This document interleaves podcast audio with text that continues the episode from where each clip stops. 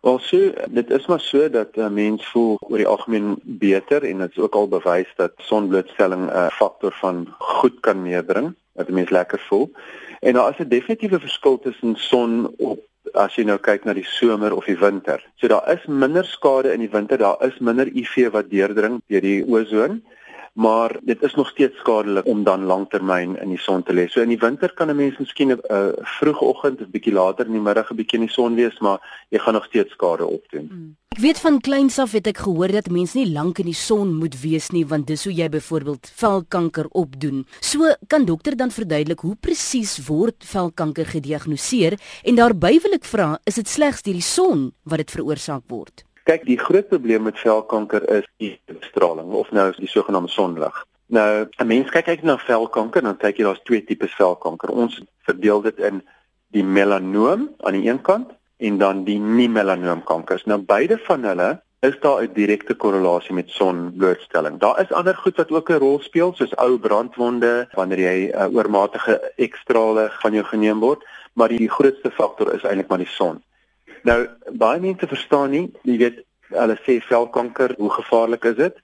Die probleem met velkanker is dat as jy na die melanoomgroep kyk, melanoom is eintlik nou die nevus of die musie wat mense dit soos as beskryf, die swart of bruin musie wat groei. Dit is werklik een van die mees gevaarlike kankers wat ons van weet. Die nie melanoomkankers is baie algemeen, maar hulle is nou nie so gevaarlik nie. Hulle het nie die neiging om te sprei nie en dit is nou die sogenaamde basal selkarsinoma wat die ouens met die ligte velle kry in Suid-Afrika. Dokter, hierdie is vir my baie interessante gesprek. Ek dink nou net ek het baie musies en nooit geweet dat dit so groot rol sou speel nie. So, hoe gemaak dan indien jy gediagnoseer word met velkanker? Weet jy, die belangrikste ding, ek ek dink as die luisteraars net hierna sal luister, hoe kan hulle ons help as dokters? Okay, ons is dermatoloog. Nou wanneer iemand vir jou sê hy merk op dat daar bloed op sy hemp is of hulle sien elke nou en dan bietjie bloed op hulle sloop of hy het 'n letseltjie iewers op sy gesig wat almekaar bloei wat of, of elke nou en dan bloei, hmm. dan kan jy maar weet dis heel waarskynlik 'n basale selkarsinoom. So so 'n persoon kan dan bietjie vroeër inkom en die dokter kan kan maklik uitgesny word. Die melanoom wat die dodelike een is, weet hy's dodelik as jy hom laat ontdek, maar as jy hom vroeg ontdek geweldig behandelbaar en jy het 'n 100% 5 jaar oorlewingssyfer. Nou 'n melanoom, as die luisteraars wil weet hoe om dit te diagnoseer, dit sal dan wees heel waarskynlik 'n nuwe musie wat hulle ontwikkel en interessant genoeg op mans is dit gewoonlik op die rug en by vrouens kry hulle dit meestal op die kuite. So 'n nuwe musie wat skielik verskyn en dan oor 'n paar weke verander.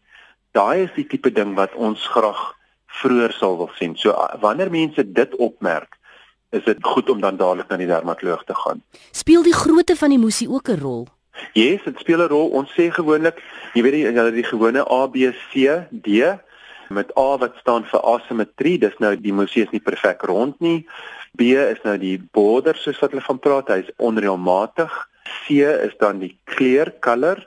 Hy's gewoonlik meer as een kleur, donkerbruin, swart, pink en dan D is vir diameter wat dan gewoonlik 6 tot 7 mm is. So jy kan 'n kleiner melanoom kry, maar wanneer 'n musie hier by 5-6 mm groot is en hy lyk snaaks en hy het verskillende kleure, dan is dit hoogs suggestief van 'n melanoom. Dokter, so wat kan ons doen om alles waaroor ons nou gepraat het te vermy? Wat mense in Suid-Afrika moet doen, veral mense wat nou 'n ligter velle het, wat nou geneig is tot sonbrand, die mense moet eintlik 'n dermatoloog eenmal 'n jaar sien dat ons 'n mole mapping kan doen. Dit is nou 'n soort van 'n ondersoek waar ons foto's neem van al die newie en dan kan 'n ou hulle vergelyk elke jaar. So die belangrikste ding is ook dan om 'n selfsoek te doen. Mense moet so elke 3 maande bietjie net na hulle eie bene en arms kyk en mans en vrouens moet na mekaar se rug kyk en kyk dan of daar nuwe musies is of van die ou musies wat verander het. Dis eintlik al en dan natuurlik sonskerm te gebruik.